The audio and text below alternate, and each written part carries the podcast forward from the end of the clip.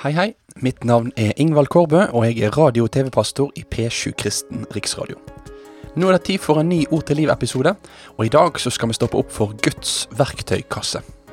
Men før vi kommer inn til denne verktøykassen, så vil jeg komme med en liten påminner til deg. I slutten av den forrige episoden nevnte jeg at vi nå holder på med en spørreundersøkelse knytta til et nytt radiokonsept som jeg holder på å utvikle. Arbeidstittelen på det er Minefeltet. Det er et program og en podkast som skal være et samtalekonsept der to kristne som har en høy tillit til Bibelen, kan samtale om spørsmål som en likevel lander ned litt ulikt på. Det kan handle om dåpen, nattverd, bortrykkelse, Israel, forholdet til andre menigheter, hvordan en tenker om muligheten til å falle ifra. Ja, you name it. Det er mange ulike spørsmål som kan være aktuelle for et sånt program. Hvis du vil være med å påvirke hva tema vi tar opp, og legger til rette for at dette kan bli et kanonbra program, så går du inn på minefeltet.paperform.co og fyller ut skjemaet der. Linken ligger i beskrivelsen til denne episoden. Nå er det tid for dagens Ord til liv.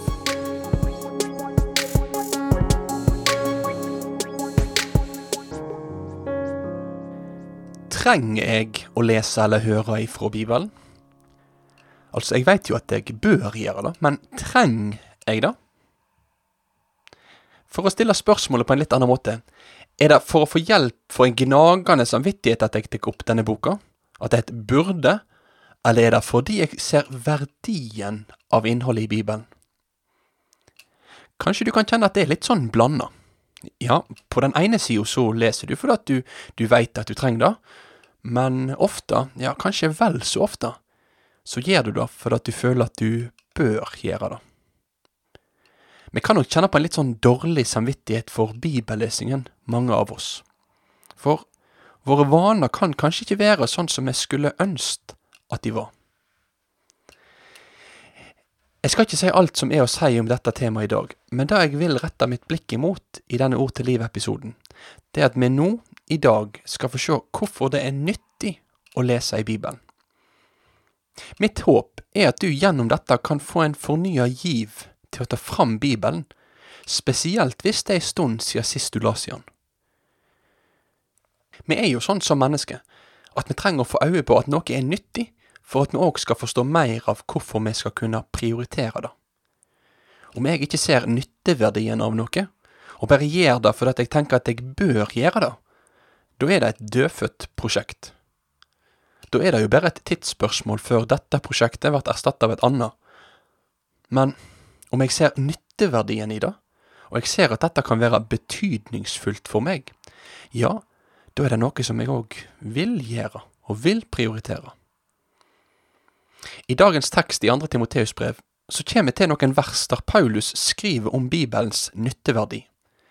I det forrige programmet av liv så stopper vi opp for starten av dette verset, som handler om hvordan Bibelen er gudpusta, og hvordan dette gjør at vi kan få ha vår tillit til at når Bibelen taler, så taler Gud. I dagens program så skal vi se hvordan disse versene viser oss hva Gud gjør gjennom de ordene som han har pusta ut. Vi skal få se hvorfor Bibelen er nyttig for oss, og hva som er Guds siktemål med at han gjør det han gjør med oss gjennom ordet sitt. Vi leser sammen fra 2. Timoteus brev kapittel 3 og vers 16 og 17. Hele Skrifta er innanda av Gud og nyttig til lærdom, til overtyding, til rettleding, til oppseding i rettferd, så Guds menneske kan være fullkomme, dugende til all god gjerning. Amen.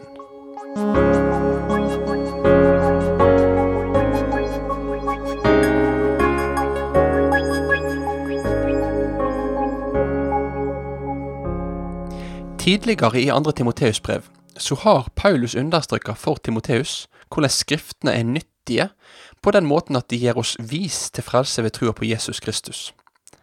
Dette er det første og det mest grunnleggende som må kunne sies om Bibelens nytteverdi for oss.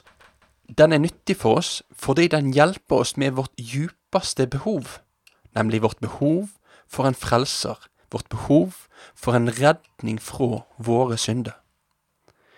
Og gjennom å male Guds frelsesverk for oss, så er Skrifta nyttig. Vi trenger Bibelen fordi vi trenger Jesus. Og det er gjennom det som står i Bibelen, at Jesus møter deg, og Jesus møter meg. Men her i denne teksten, som jeg nå las, så kan vi se at den nytteverdien som Paulus nå er opptatt av, den er knytta til hvordan Skrifta kan være med å utruste til å gjøre det som er godt. Ved Skriftene så blir vi nemlig dugende til all god gjerning, står det her. Og jeg vil at du og jeg at vi skal merke oss hvordan det for Paulus er sånn at han holder flere tanker i hodet samtidig. Og det må du og jeg prøve å gjøre òg. Ja, Skrifta gir oss vis til frelse, og den frelsa, den blir oss til del ved trua på Jesus. Samtidig så er det òg sånn at Skrifta utruster oss til all god gjerning.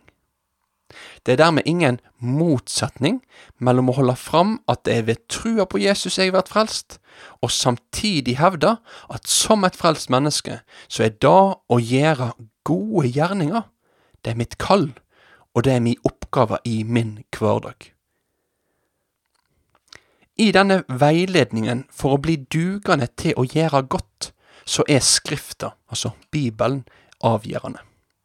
For som det står her, så er Skrifta nyttig til lærdom, til overtyding, til rettleding og til oppdragelse i rettferdighet. Til sammen så utgjør disse fire begrepene her en helhet. Det handler om hvordan vi kan få vokse som Guds barn. Og på samme måten som vår vekst i menneskelig modenhet kan skje på flere måter, så ser vi at denne prosessen her med å vokse i åndelig modenhet, den kan òg være mangfoldig. I en god menneskelig oppvekst så trenger vi å lære og bli oppdratt.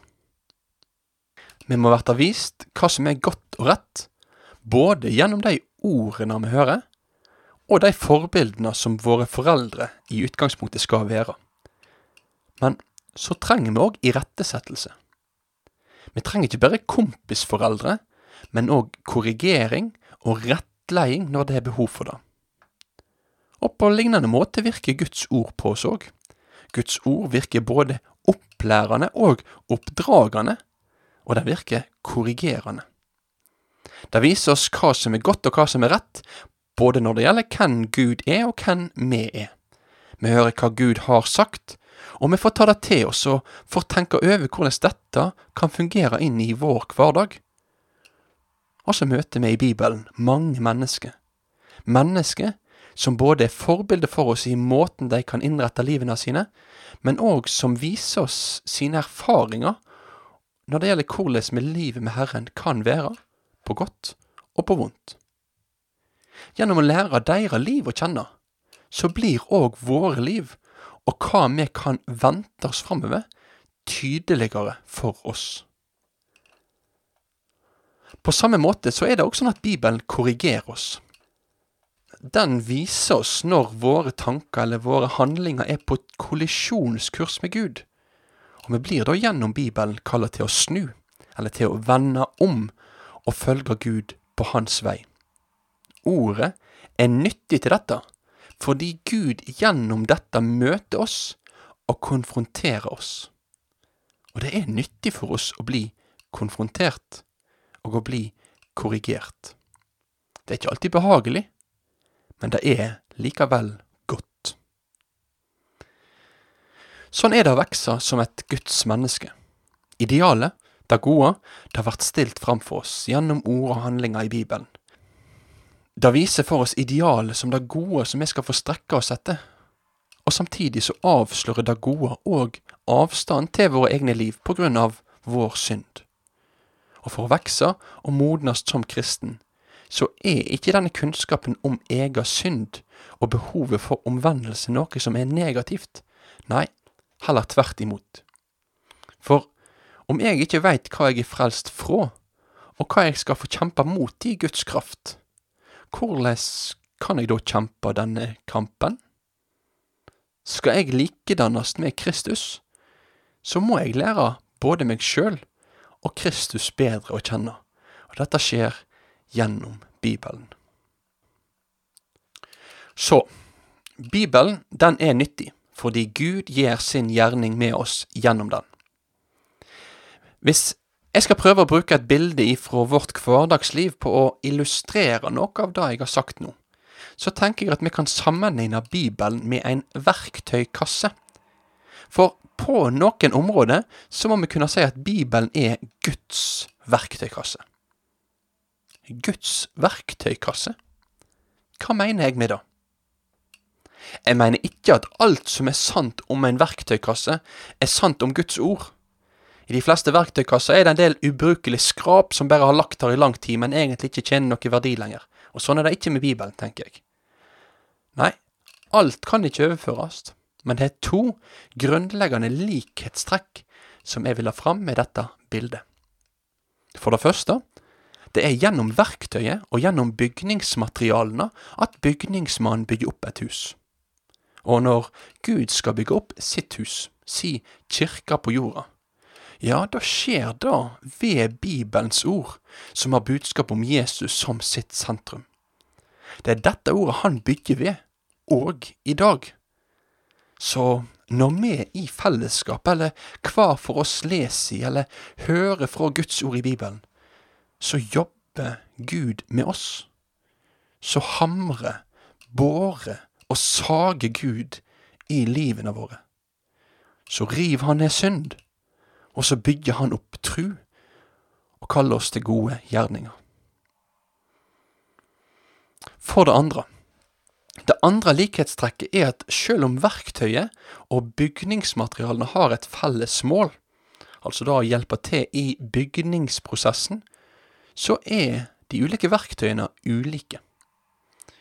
Og sånn er det òg med Guds verktøykasse. Det er ikke bare hamre. Det er ikke bare sage. Det er ikke bare byggeskum. Det er et mangfoldig skrin, en mangfoldig verktøykasse, som Gud bruker på våre liv på ulike måter. Noen ganger, og i enkelte menneskeliv, så kan det være mer behov for det ene enn for det andre verktøyet. Det er ei tid for å rive ned, og det er ei tid for å bygge opp. Men alt Guds ord, det er nyttig for oss, for deg og for meg, for at du og jeg skal kunne bli dugende til all god gjerning. Derfor er min oppfordring til deg. Vil du modnast og vekse som en kristen? Vil du bygges opp i trua på Jesus? Ja, da må du benytte deg av den verktøykassen som Gud har gitt deg. Framfor deg, i dag òg, så ligger den boka som Gud har pusta full av sin sannhet, og som Han vil gjøre sin gjerning i ditt liv gjennom. Ta opp denne levende boka, og les i henne.